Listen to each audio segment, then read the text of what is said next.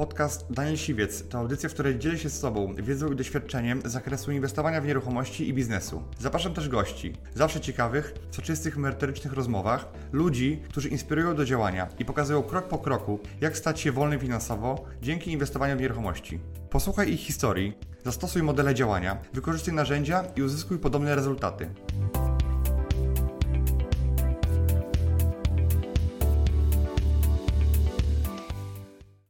Cześć, witam Was w nowym odcinku Business Lidera i moim dzisiejszym gościem jest Dorota Kuś. Piąteczka Dorota. Dorota jest radcą prawnym, który specjalizuje się w prawie budowlanym, ale też i obsługuje deweloperów. Od, my się znamy stąd, że Dorota obsługuje moje spółki e, i moje firmy deweloperskie, jakby pomaga mi formułować umowy, pomaga mi rozwiązywać różne problemy, które, które są na mojej drodze. E, I dzisiaj chciałem mm, z Dorotą porozmawiać na temat właśnie umów deweloperskich. No bo nie znam mm, lepszego eksperta, który, który jakby od 8 lat, kiedy mamy tą, tą umowę, studiuje to prawo e, i wszystkie zmiany, które są. W ogóle jak się stało, że Ty się zaczęłaś zajmować tym tematem takim dewelopersko, no takim deweloperskim? Mhm. No to trzeba byłoby sięgnąć takich korzeni, tak, czyli zacząć od tego, że na aplikacji trafiłam do kancelarii, która zajmowała się taką Mhm. no, prawem, obsługą przedsiębiorców budowlanych, tak Mhm. mówiąc krótko. E, I po tym, jak już zaczęłam e, pracować na własny rachunek, no to gdzieś to jakby e, też Naturalnie przeszło na mnie, prawda? Miałam takich klientów, którzy po prostu zaczynali od budowania takich małych domków, bliźniaków, prawda? segmentów. E, Na początku, no, jak nie było tej ustawy, to oni działali na takich zasadach umowy przedstawnej i potem jak weszła w życie ta ustawa deweloperska, to trzeba było im ten temat po prostu ogarnąć. E, No i e, ja właśnie taką umowę deweloperską pamiętam pierwszą przygotowywałam tak, jak na tych nowych przepisach uczyliśmy się tego wszyscy, jak to Mhm. robić. I to było prawda? trudne, bo wtedy nikt nie rozumiał, nikt nie wiedział o co tak, chodzi, dokładnie. nikt nie wiedział co działa, co nie działa. No właśnie, teraz ta umowa mm, no, powoduje mnóstwo problemów, e, zapytań i, i jakby niejasności. I na dodatek nie że ustawa jest dosyć, dosyć stabilna, tak? Natomiast, natomiast jakby wykonawstwo prawa poprzez y, UOKiK no się zmienia, tak? I jakby to, co jeszcze było legalne dwa lata temu czy pięć lat temu, już dzisiaj nie jest legalne. Właśnie y, są te klauzule abuzywne. I powiedz mi właśnie, y, tak żeby wytłumaczyć naszym widzom, czym jest ta klauzula abuzywna i jakby jak się trzeba z nią obchodzić. Z punktu widzenia zarówno dewelopera, ale i zarówno klienta, który kupuje od dewelopera. Czyli przy umowie deweloperskiej takim tematem, na który właśnie trzeba zwrócić uwagę, są te klauzule niedozwolone. E, Klauzule niedozwolone to są takie postanowienia w umowie, które nie zostały indywidualnie uzgodnione z e, konsumentem, e, zostały zawarte w umowie z konsumentem i e, rażąco naruszają jego interesy lub e, są sprzeczne z dobrymi oby- obyczajami. Znaczy właściwie i są sprzeczne z dobrymi obyczajami, bo to musi być tak, że są spełnione obie te przesłanki, czyli rażąco naruszają interesy tego konsumenta i są sprzeczne z dobrymi obyczajami. I teraz, żeby to jakby wszystko e, tak przełożyć trochę na język ludzki, prawda? Mhm. To kto jest tym konsumentem? No właśnie. Konsumentem jest e, to osoba fizyczna, czyli człowiek, Mhm. który zawiera umowę z przedsiębiorcą. Ale ta umowa musi być niezwiązana z prowadzoną przez niego firmą, prawda? Mhm. Czyli nie może być bezpośrednio związana. Czyli jeżeli jesteś przedsiębiorcą i prowadzisz jako Daniel Siwiec jakąś działalność gospodarczą wpisaną do CIDG, czyli Mhm. To y, i, na przykład kupowałbyś od dewelopera y, mieszkanie na własne potrzeby, Mhm. to nie, to nie, to jesteś traktowany jako Tak. konsument. Ale jeżeli byś kupował y, mieszkanie pod firmę i brał na to fakturę, to wtedy nie jesteś konsumentem. Jeżeli jesteś konsumentem, no to y, deweloper nie może stosować w stosunku do ciebie takich określonych postanowień umowy, które są właśnie klauzulami Mhm. niedozwolonymi, tak? I, jakie to mogą być klauzule na przykład? E, tak, e, takie przykładowe, e, znaczy no, są takie mm, klauzule, które po prostu mm, stawiają tego e, mm, konsumenta w takiej sytuacji gorszej niż jaka by wynikała z, e, dla niego z, z normalnych przepisów prawa, które się stosuje, Mhm. prawda? Czyli gdyby nie było tej klauzuli, no to mm, konsument miałby jakieś tam uprawnienie, nie ma go, bo wprowadziłeś jakieś do umowy postanowienie, które ogranicza to, prawda? Mhm. Więc e, mm, takie, które też stawiają takie, tak, no, można powiedzieć, są takie trochę nieuczciwe. Te klauzule niedozwolone stawiają właśnie dewelopera w gorszym świetle i czasami y, klient jest, jest stroną dominującą y, dzięki temu, że UOKiK y, zdecydował, o, że ta klauzula jest niedozwolona i brońmy tego klienta, bo on jest ważniejszy w tym biznesie. No tak trochę jest i jest dużo takich klauzul, które są czasami dla mnie też zaskakujące, że na przykład takie postanowienie stanowi klauzulę niedozwoloną. Przykładem takiego postanowienia jest po- y, klauzula, która mówi o tym, że nie można przerzucać na klienta kosztów y, związanych z y, zarządem nieruchomością wspólną przed y, podpisaniem umowy końcowej, Mhm. a, y, ale już po odbiorze tego lokalu przez klienta, bo wiadomo jest, że najczęstszym przypadkiem występującym w praktyce jednak jest taki, że najpierw jest odbiór lokalu, a potem dopiero za jakiś czas Tak, tak. jest akt notarialny. I tak naprawdę no to ten klient korzysta z tego lokalu i w sumie no to Powinien zapłacić. dlaczego miałby za to Tak, tak. zapłacić? Ale no jest taka klauzula, która mówi o tym, że, że może tego nie zrobić. Tak, czyli klient dostaje klucze, mieszka sobie, ale uchyla się od zawarcia umowy przynoszącej własność i deweloper płaci za, za niego e, za fundusz remontowy, za eksploatację części wspólnych, za windy, za wszystko, a, a on, czyli deweloper finansuje jemu jego mieszkanie, a jeszcze klient wynajmuje to mieszkanie i zarabia na tym, no to generalnie no, płaci za to deweloper. I, Tak. to jest, i to, to jest akurat klauzula niedozwolona, która chroni klienta, a nie dewelopera. No, i to jest jedna z nieuczciwych e, klauzul, ale dużo jest takich, które bronią klientów i, i, i słusznie, tak? No bo deweloperzy też często są stroną profesjonalną, która ma prawników e, i może tą pozycję swoją wykorzystywać, tą silniejszą pozycję. No, tak, trzeba zacząć od tego, że zawsze to jest w życiu tak, że kto ma władzę, ten ma, kto ma pieniądze, ten ma władzę, tak? I to, tak, tak. tutaj jednak ten deweloper rozdaje karty, tak? I on de- decyduje o tym, e, co w tej umowie wpisać tak Mhm. naprawdę, a klient to najczęściej może tylko się z tym zgodzić albo nie, próbuje czasami coś negocjować, ale to rzadko. I y, mm, coś odnośnie takich e, postanowień, które z kolei są korzystne dla e, klientów, no to na pewno są to postanowienia, które e, nakazują jakby deweloperowi rozliczanie się z metrażu, Mhm. prawda?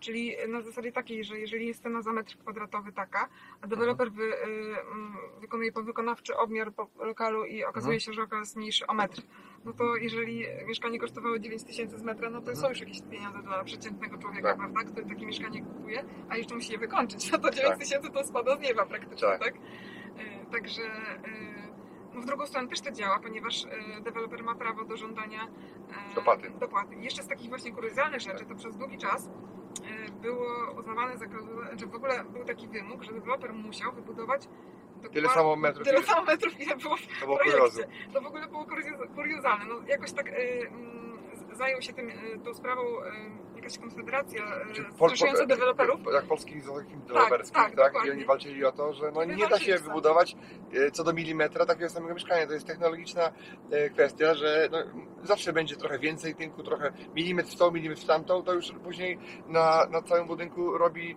czasami metr albo dwa na, na jednym mieszkaniu, prawda? Więc Dokładnie. technologicznie się po prostu nie da e, e, tego wybudować od linijki, bo to nie jest laserowe cięcie. Tak, no i to jest jakby takim uznaje się, że taką dopuszczalną dopuszczalną tolerancją w tym metrażu to jest 2% plus minus, prawda? I że jakby jeżeli te plus minus 2% to y, klient no, nie powinien mieć prawa do odstąpienia od umowy, chyba że deweloper chce mu takie prawa Mhm. zagwarantować, nikt mu nie zabroni, Tak. ale y, powinien deweloper się z nim rozliczyć, prawda? Y, na zasadzie takiej, ile dokładnie wychodzi za ten metr kwadratowy. Mhm. Okej, no i w drugą stronę też, tak? I jakby Mhm. em, deweloper może żądać zapłaty, ale też daje klientowi prawo do odstąpienia, tak? E, Tak, znaczy ja uważam, że powyżej tych 2%, Mhm. prawda, jeżeli jest y, ta odchyłka wyższa, to deweloper już powinien dać klientowi prawo do odstąpienia w umowie, tak, Mhm. żeby to też nie było uznane za klauzulę niedozwoloną. Mhm. Bo jednak no, jakieś tam to granica powinna być. Okej, i jakie są takie najczęstsze klauzule, które, które, które, które wykorzystują deweloperzy? I powiedz mi jakby, no, jak rozmawialiśmy sobie wcześniej, że się nie opłaca totalnie deweloperowi, żeby tych, te klauzule były, no bo one są nieważne w mocy prawa. Tak, Czyli- to czyli- może powiem najpierw, jakie są skutki stosowania tych e, klauzul niedozwolonych. Pierwsza rzecz to jest konsekwencje dla danej umowy, prawda? One nie wiążą po prostu klienta i tak naprawdę on mógłby się do nich nie zastosować. Że sama Czyli- umowa wiąże, natomiast Tak, te punkty, tak? Y, Tak właśnie chciałam to dodać. Czyli Tak. mm, jakby mamy taką sytuację, że jeżeli jest wpisane w y, umowie deweloperskiej, że właściwość sądu została zastrzeżona na rzecz dewelopera, czyli y, jeżeli musisz skierować sprawę do sądu, to musisz pójść do sądu właściwego według siedziby dewelopera, to jest to klauzula niedozwolona, prawda? Jeżeli masz taką klauzulę w umowie, to tak naprawdę nie musisz się do niej zastosować i stosujesz y, przy, zasady wynikające z ogólnych przepisów prawa, z powszechnie obowiązujących przepisów prawa, tak? Mhm. Y, Także to taki jest skutek dla danej umowy, prawda?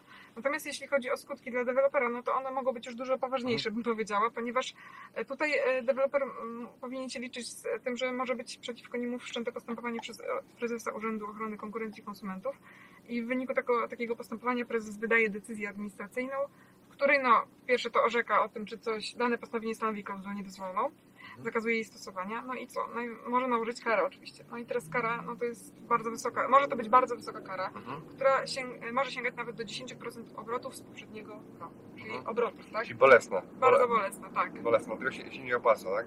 Dlatego też y, deweloperzy tak naprawdę powinni dbać o to, żeby y, ich umowy w sumie były chyba jak najprostsze. Ja zawsze tak jestem tego zdania, tak? Y, Czasami lepiej wpisać mniej, a y, niż żeby to więcej stanowiło tą klauzulę niedozwoloną, Tak, tak, która tak. może potem słono kosztować, tak? Bo później jak klient bierze tą umowę i, i szantażuje dewelopera, że jeżeli się z nim nie ułoży, tak jak on chce, Tak. to, to, to wie co zrobić, żeby, żeby miał problemy, tak? No tak naprawdę tak, dokładnie. Zawsze można y, złożyć donos i, i z tego y, mieć potem kontrolę i ocenę tej umowy, tak? A tak naprawdę to większość umów deweloperskich, które widziałam na oczy, ma jakieś Mhm. klauzule niedozwolone. Nawet y, takie kuriozalne postanowienia dla mnie, tak szczerze mówiąc, że y, co mnie tak kiedyś zaskoczyło bardzo, jak zaczynałam tą pracę z tymi klauzulami, y, że nie można wpisać w umowie deweloperskiej, w ogóle w umowie takiej z konsumentem, że ma obowiązek Ci poinformować o zmianie Twojego adresu, a jak Cię nie poinformuje, to korespondencja doręczona na ten adres, który był wskazany w umowie, jest sk- skutecznie doręczona, nie? Mhm. Nie. To nie może być coś takiego. Ale to co w takiej razie sytuacji, w której konsument zmienia adres i ci nie poinformuje? I, i, i, Powiem szczerze, to, to już kwestia jakby yy, no, oceny jakiejś tam konkretnej sytuacji tak naprawdę, tak? No bo jeżeli nie masz możliwości dowiedzenia się w jakiś inny sposób o tym adresie, to uważam, że jeżeli sąd by taką sprawę rozpatrywał i ty byś kierował yy, na adres. korespondencję na adres doręczoną przez tego klienta, to, ono, to byłoby to uważane za skutecznie doręczone, tak? Mhm. No bo skąd masz wiedzieć? Jeżeli masz przedsiębiorcę, no to możesz sobie sprawdzić yy, tak naprawdę jego dane w rejestrze, w KRS-ie, prawda? Natomiast jeśli chodzi o osobę fizyczną, no to niestety, no to, to jakby szukaj wiatru w polu, jak to się mówi, tak? Okej, a to powiedz mi jeszcze, jakie inne e, klauzule ty widzisz jakby tak najczęstsze, które, które z jednej strony jakby deweloperzy e, wpisują, a- ale jakby robią to trochę wbrew, wbrew prawu, a, a które konsumenci, osoby, które dzisiaj kupują, tak jak moi fliperzy, mieszkania, e, powinni zwracać uwagę, tak? Mm, Taką kwestią, która miałaby znaczenie dla finansów tych osób, na przykład, co może być ciekawe, to są kary umowne, prawda? E, No bo jest obowiązek e, tak naprawdę zastrzeżenia w umowie deweloperskiej kar umownych, zgodnie z ustawą deweloperską. I deweloperzy to robią, ale oczywiście starają się, żeby to kary umowne jak najniższe, prawda? Żeby to jak najmniej ich- bolało. E, I często zdarza się takie postanowienie jeszcze, które przewiduje, że jest maksymalna wysokość kar umownych, na przykład 5% wartości umowy, 3% wartości umowy. I takie postanowienie jest nieskuteczne. To znaczy, że jeżeli deweloper spóźnia się e, z przekazaniem em, mieszkania, prawda, o na przykład rok czasu, tak, a kara umowna jest ta 5% zastrzeżona na, takim poziomie, że to wyczerpuje 3-miesięczny okres opóźnienia, to i tak możesz żądać e, tej kary umownej za cały okres opóźnienia. Nie, nie trzeba się sugerować tym limitem, on po prostu nie obowiązuje tak naprawdę, tylko musisz o tym wiedzieć. E, Także to, to jest taki ciekawy przykład kar, e, właśnie postanowienia, I które tego nie widać tak od razu. Jak czytasz umowę, jakby prawnik, który czyta umowę, on od razu nie widzi e, tego, no bo musiałby znać te klauzule niedozwolone. Powiem szczerze, że normalną praktyką na rynku w innych umowach jest wpisywanie tego typu ograniczeń kar umownych, Mhm. więc nawet nie wydaje się to czymś niezwykłym, tak szczerze mówiąc. E, Natomiast w umowie deweloperskiej, w specyfice tutaj tej mm, relacji pomiędzy przedsiębiorcą a konsumentem jest to właśnie zakazane w tym momencie. A powiedz mi właśnie, wielu deweloperów, którzy zaczyna ten biznes, myśli o tym, że pójdzie do notariusza i notariusz mu taką umowę przygotuje. E, I teraz co ty o tym sądzisz? E, właśnie, co, co ty o tym sądzisz, tak? No bo Tak. nie każdy notariusz też się zna i mało który prawnik, prawnik też się zna na tym. Powiem tak. Pewnie część notariuszy się, jest takich, którzy się specjalizują i wtedy umowę mogą przygotować e, dobrze, ale to nie jest tak, że każdy notariusz przygotuje tą umowę dobrze i myślę, że też notariusze niekoniecznie ten temat klauzul niedozwolonych aż tak e, Mhm. jest dla nich ważny tak naprawdę. W No, sensie no bo oni że, za to nie, nie odpowiadają, tak naprawdę oni później nie będą klienta reprezentowali w sądzie. y, no tak, natomiast y, no i przede wszystkim y, to, to jest taka trochę wąska działka się robi te klauzule niedozwolone, Mhm. dlatego notariusze mają jednak trochę większy, większy spektrum działania i najczęściej po prostu chyba nie mi się wydaje, że nie mają czasu skupiać się na tym. Nie chcę też tak oceniać tutaj notariuszy, żeby nie Tak, było. ale, ale, ale to no, jest y, e, tak jak widzę, tego, prawda? tego jest tak dużo, że no faktycznie oni mają jeszcze inne rzeczy e, na głowie i inne, no, muszą mieć szeroką wiedzę, więc raz, że oni przed klientem nie odpowiadają, czy wpisują taką klauzulę, czy nie, tak, Mhm. e, przed swoim deweloperem, więc lepiej to po prostu zlecić komuś, kto się na tym zna, tak? I ja współpracuję Tak. z wieloma prawnikami i ty jesteś właśnie jednym z nich, który wy- wykorzystuje ciebie, tak powiem brzydko, jakby do e, twojej ekspertyzy, tak? Do tym, na, na czym się znasz, jakby nie zlecam ci e, kwestii totalnie od, odrębnych od twojej specjalizacji, tylko mam od tego innego prawnika, który siedzi w tym głęboko Dokładnie. i on mi to zrobi szybciej e, i lepiej na pewno, niż ktoś inny by się musiał wdrażać w to. Na pewno zawsze warto, nawet jak notariusz przygotuje umowę, to zlecić komuś, kto po prostu będzie ją Tak. oceni pod kątem takim, czy ta umowa na przykład nie ma klauzul niedozwolonych. Bo Mhm. notariusz oczywiście ze wszystkim sobie poradzi, takim, co jest e, związane z tym, co ta umowa powinna zawierać. Tak. Natomiast te kwestie jakby Tak. To może Na, nawet jeżeli ta umowa rok temu była analizowana przez prawnika, który i powiedział, powiedział prawnik, że jest ok, to, to dzisiaj y, już mogły dojść dodatkowe klauzule do rejestru Tak. i mogły tą umowę po prostu e, wywrócić, tak? Takim ciekawym też postanowieniem klauzuli niedozwolonej, które mnie też swego czasu zaskoczyło, to jest to, że mm, termin wpisuje się termin zapłaty wynagrodzenia w e, Mhm. etapach tych transzy, prawda, które klient ma płacić Tak. deweloperowi. No i zazwyczaj to jest taki zapis, że po zakończeniu jakiegoś tam etapu, no, stanu zero na przykład budynku, ale nie później niż do dnia. I zazwyczaj w tych umowach jednak się pojawia ten, tak, jakaś data, prawda, Tak. do której no tymczasem takie postanowienie też zostało uznane za klauzulę niedozwoloną, bo UOKiK stwierdził, że jeżeli deweloper się opóźni, ale klient nie ma jakichś innych narzędzi, żeby po prostu e, też nie płacić mu tak naprawdę za to, za co nie powinien mu jeszcze płacić, bo nie wykonał danego etapu, bo jest sztywna data określona, Mhm. A gdyby to nie było skorelowane, tylko powiedział, był e, osobny harmonogram finansowy, a osobny harmonogram rzeczowo, rzeczowy przez dewelopera. Czyli na przykład nie byłoby tego uzależnienia, o którym ty mówisz teraz, że po tym, ale naj- nie później niż, tylko byłoby harmonogram jest taki, a harmonogram budowy jest taki. Powinno być zrobione to- tak, że e, e, termin, e, że deweloper informuje o zakończeniu danego etapu budowy i termin płatności jest na przykład 14 dni od dnia, Mhm. e, gdy deweloper poinformuje, że zakończył etap zero, prawda? No i właśnie, no, żyjemy w takich czasach, że to teraz konsument, konsument może, może więcej. Z jednej strony to dobrze, ale nie wiem, czy to by się wydawało, na przykład, że te 10 lat temu, jak była ta wolna amerykanka i nie było regulacji do tego, że de- deweloperzy nagminnie wykorzystywali tą sytuację e, siły? No wiadomo, że tak się zdarzało, tak? Ale czy to groziło upadkiem rynku? Nie wiem, czy jakie jest Twoje zdanie na ten temat? Tak? I, Że powiem tak, sytuacja się zmieniła pod pewnym względem, jest bezpieczniejsza też dla e, mm, konsumentów z, z jednego powodu, że deweloperzy są zobowiązani do, do, do prowadzenia rachunków powierniczych. Mhm. I tak naprawdę nie dostają tych pieniędzy od razu, tylko e, dostają te pieniądze, które klienci wpłacają dopiero po tym, jak bank spra- sprawdzi, że wykonają określony Mhm. etap prawda, prac. Jeżeli mówimy o tym otwartym rachunku powierniczym, który tak naprawdę każdy stosuje, bo jest jeszcze druga opcja, że deweloper może stosować rachunek zamknięty i dostać wszystkie pieniądze od klientów tak. e, dopiero po zakończeniu budowy, ale nie znam takiego Co jest dewelopera. bez sensu, ogóle, który- tak? który będzie płacił za prowadzenie rachunku, Tak. Którego nie może korzystać, tak? Tak, tak. To lepiej w ogóle go nie brać. Nie? Dokładnie. E, W związku z tym to na pewno e, w jakiś sposób było potrzebne, dlatego że e, to myślę, że też w jakiś no, był taki jest bezpieczniejszy dla klientów, tak?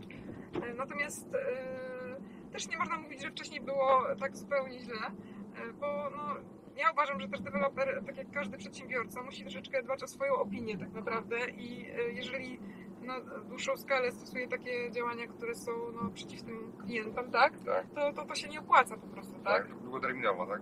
Więc jakby na pewno jakby ilość y, bankructw y, się zmniejszyło i kontroli rynku, że jakby sam rynek nie jest tak jakby napompowany deweloperami, którzy powali pieniądze i, i nic z tego nie zabezpiecza.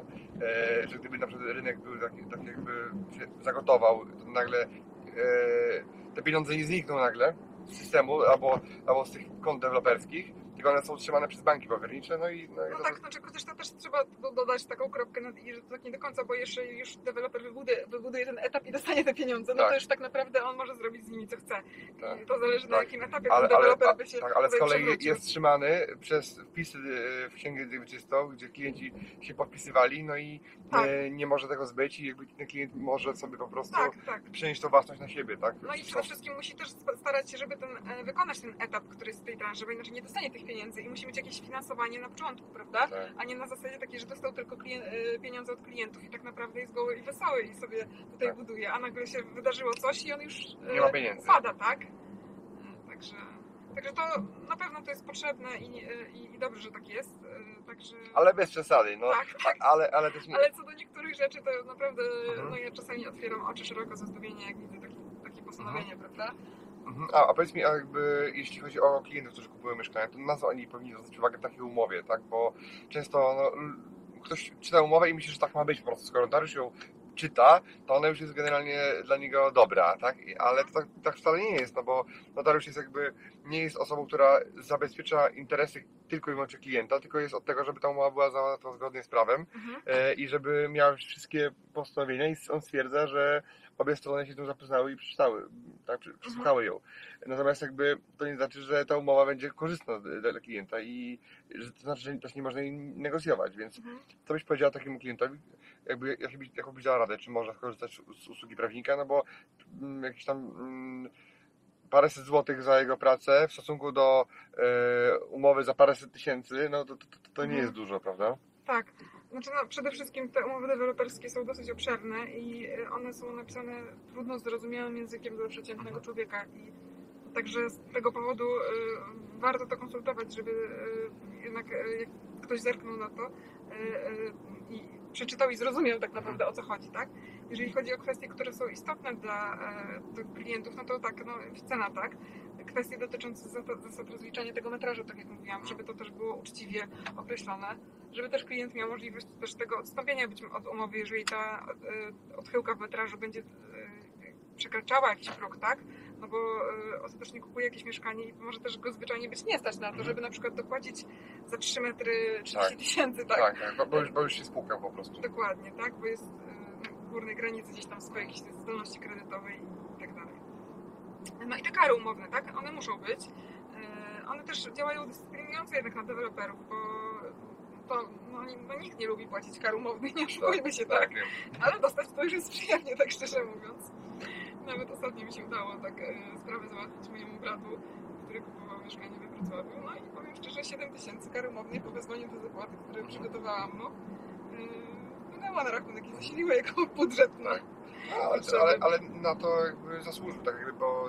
opóźnienie było po prostu. Deweloper się nie wywiązuje, ja tak samo, no też y, oczywiście zdarzały mi się sytuacje, w której no y, płaciłem te kary i też jakby ty, ty wiesz o tych sytuacjach, bo sama je prowadziłaś i, e, i siadałem do stołu z ludźmi. I negocjowałem, rozmawiałem na ten temat, jak to rozliczyć, żeby, żeby wszyscy byli zadowoleni, tak, no bo są pewne rzeczy w tym biznesie, których się nie da przewidzieć i, e, i nie, nie da zaplanować, oczywiście i trzeba mieć na to po prostu jakiś bufor, tak, no i i z tego buforu po prostu trzeba czasem Tak. skorzystać, no i to boli, ale no takie jest dzisiaj, jakby my po drugiej stronie to bym robił to samo dokładnie, więc Tak, jest jeszcze taka sprawa związana z tymi właśnie metrażem i dopłatami i tak dalej. Ym, Też y, w wielu umowach jest to wpisywane i to tak się praktykuje, że jeżeli są jakieś y, zmiany lokatorskie, Mhm.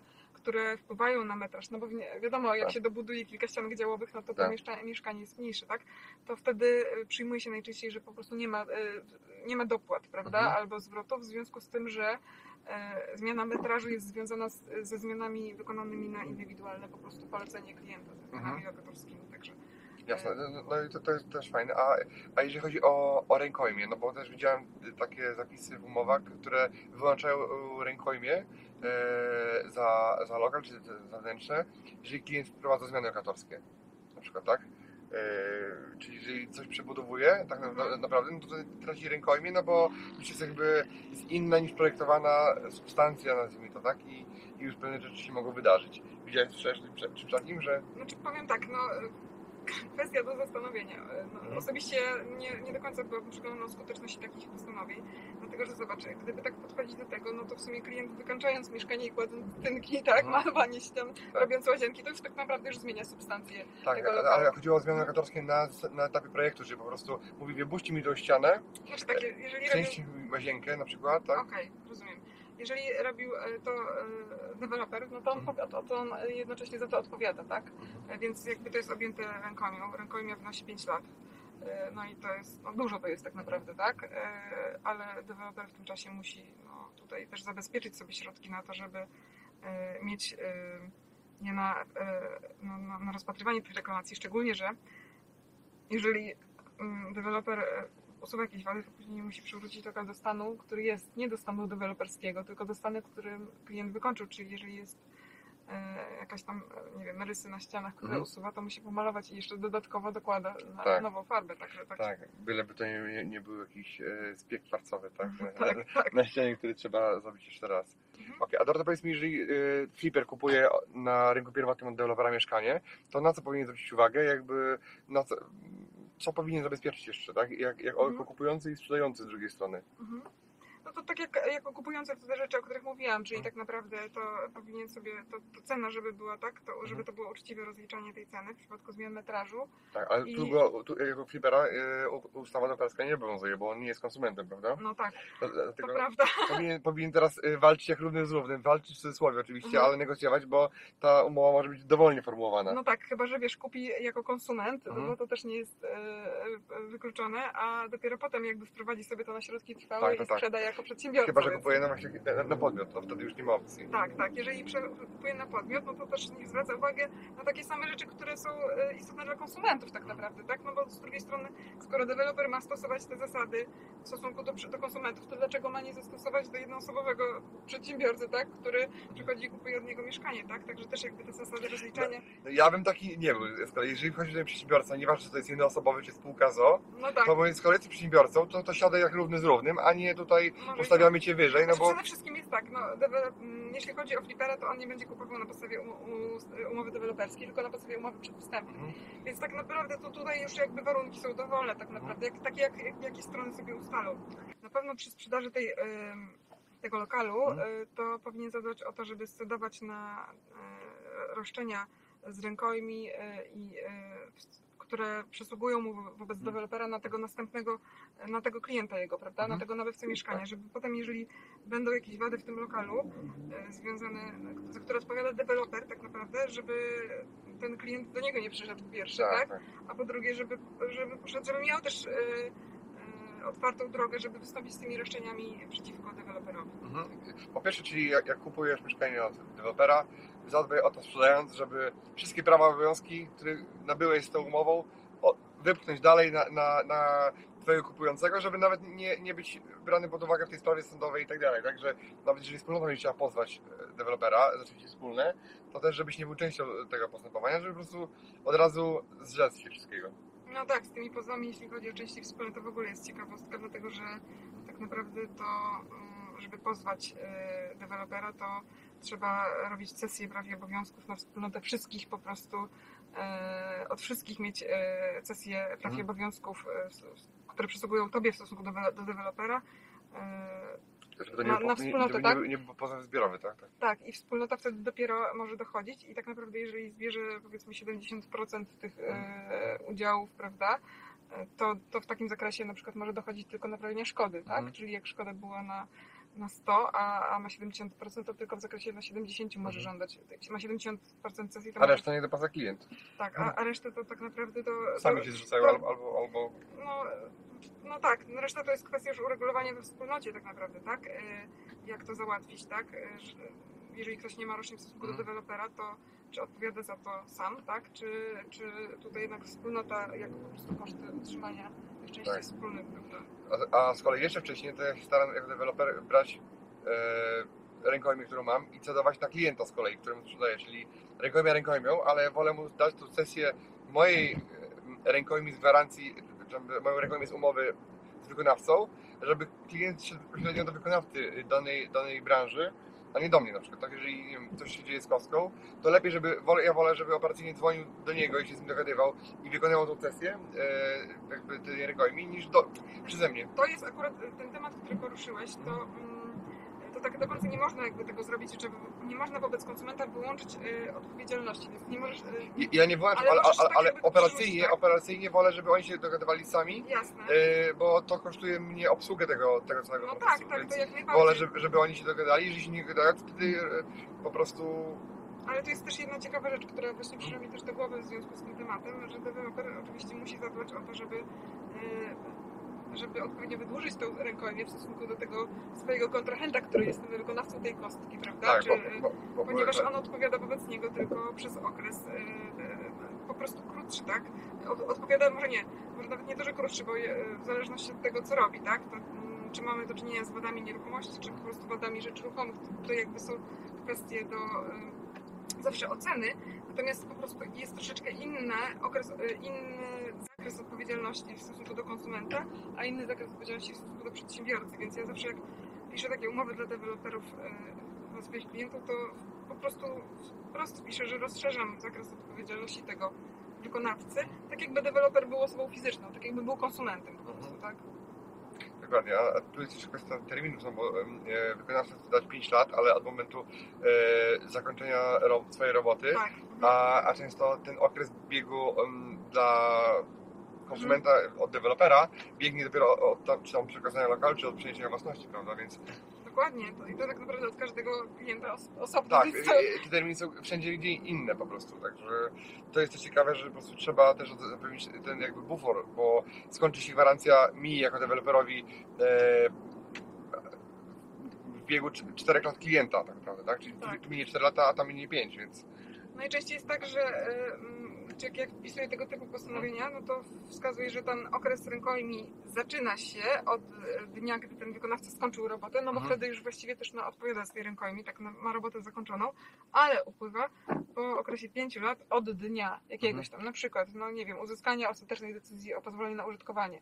No bo trzeba jakiś taki termin wybrać, który jest jakiś taki do ustalenia, tak? ale, ale też jest za, nie, e, zależny od, e, od dewelopera, bo żeby nie było, że deweloper nie sprzedaje mieszkania przez 3 lata, tak, sprzedaje po, trze, po 3 latach i dopiero 5 lat mija od trzeciej No roku, nie, no tak. to, to byłoby już trochę przegięcie. To byłoby trochę, trochę przegięcie, tak? Że można zrobić jakby te 5 lat od, że zamyka się ten termin e, deweloperski, ale nie później niż na przykład, nie wiem, 6 lat na przykład, tak? Mhm, tak, żeby tak, ograniczyć, tak. żeby nie było to e, neverending story, tak? Deweloper No sobie tak. zostawił 10 lokali, nagle je sprzedał po 5 latach i, i nagle biegnie te 5 lat dla Mhm. wykonawcy. No wykonawca też nie jest głupi i też się na to nie zgodzi.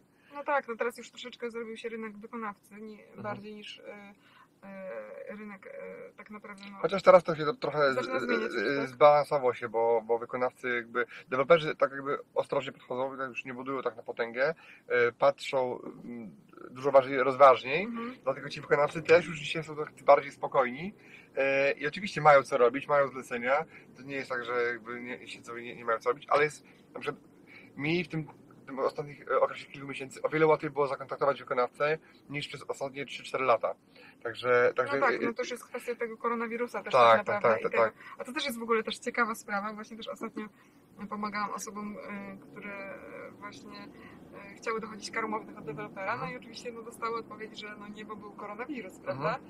No tylko, że to też nie może być tak, że koronawirus jest tutaj e, jakby powodem. powodem. Wręcz tam nawet ten deweloper napisał, że to jest w ogóle nieuczciwe i takie ktoś to, poczuł się dotknięty, mój klient tym, że, tak, że, że jak ty w ogóle możesz dochodzić tego, przecież to jest taka sytuacja, prawda? Natomiast no, sytuacja wyglądała tak, że mm, oni mieli mieć e, już umowy przyrzeczone czy końcowe podpisane na 31 marca, tak? No więc umówmy się, jeżeli mieli na 31 marca, To musieli to, musieli, to, to, to deweloper musiał mieć pozwolenie na użytkowanie, to tak naprawdę powinien mieć już na początku marca decyzję, żeby ona miała jeszcze na dwa tygodnie na uprawomocnięcie o pozwolenie na użytkowanie, tak? Mhm.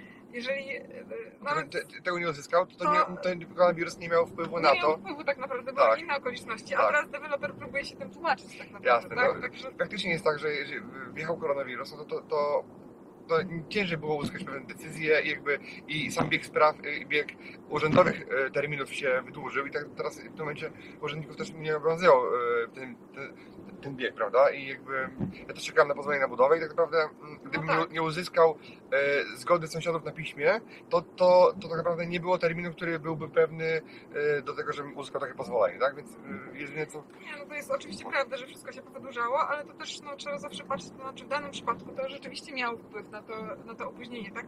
Bo jeżeli deweloper y, nie wykonał tego, co powinien zrobić przed koronawirusem, no to to, że potem mu się opóźniło przez koronawirusem, no to dalej moim zdaniem jest jednak jego e, obciąża, a e, no tak, to on za to ponosi odpowiedzialność, tak? Że nie wyrobił się wcześniej, a powinien Tak. tak naprawdę zgodnie z umową. No ale prawda jest taka, że e, nawet za koronawirusa biorą odpowiedzialność przedsiębiorcy, no bo oni, e, oni ponoszą ryzyko prowadzenia biznesu po prostu i, i tutaj nikt tego nie, nie, nie zwróci, prawda, więc to, to, takie jest życie, no. Okej, Dorota, dziękuję Ci w takim razie bardzo. E, Jeżeli byście chcieli e, Dorotę gdzieś spotkać, zobaczyć, to Dorota ma swojego bloga. Jak on się nazywa? prawoikielnie.pl Prawo Kielne i tam Dorota pisze właśnie o umowach deweloperskich, więc jeżeli chcielibyście więcej wiedzy na temat tego, na temat klauzul abuzywnych, na temat e, umowy ustawy deweloperskiej, to na blogu Doroty, to link jest w opisie, może sobie, możecie sobie więcej wiedzy poczytać. E, I my już mamy pomysł z Dorotą na, na kolejne nagranie, bo, bo ten temat jest bardzo obszerny, e, ale to zdradzimy Wam niedługo, także oglądajcie e, kolejne odcinki i trzymajcie się, hej! Dziękuję Ci, że wysłuchałeś do końca. Jeśli ten podcast był dla Ciebie interesujący, zapraszam do słuchania kolejnych odcinków. A jeśli chcesz jako pierwszy otrzymywać powiadomienia o nowych odcinkach, subskrybuj mój podcast.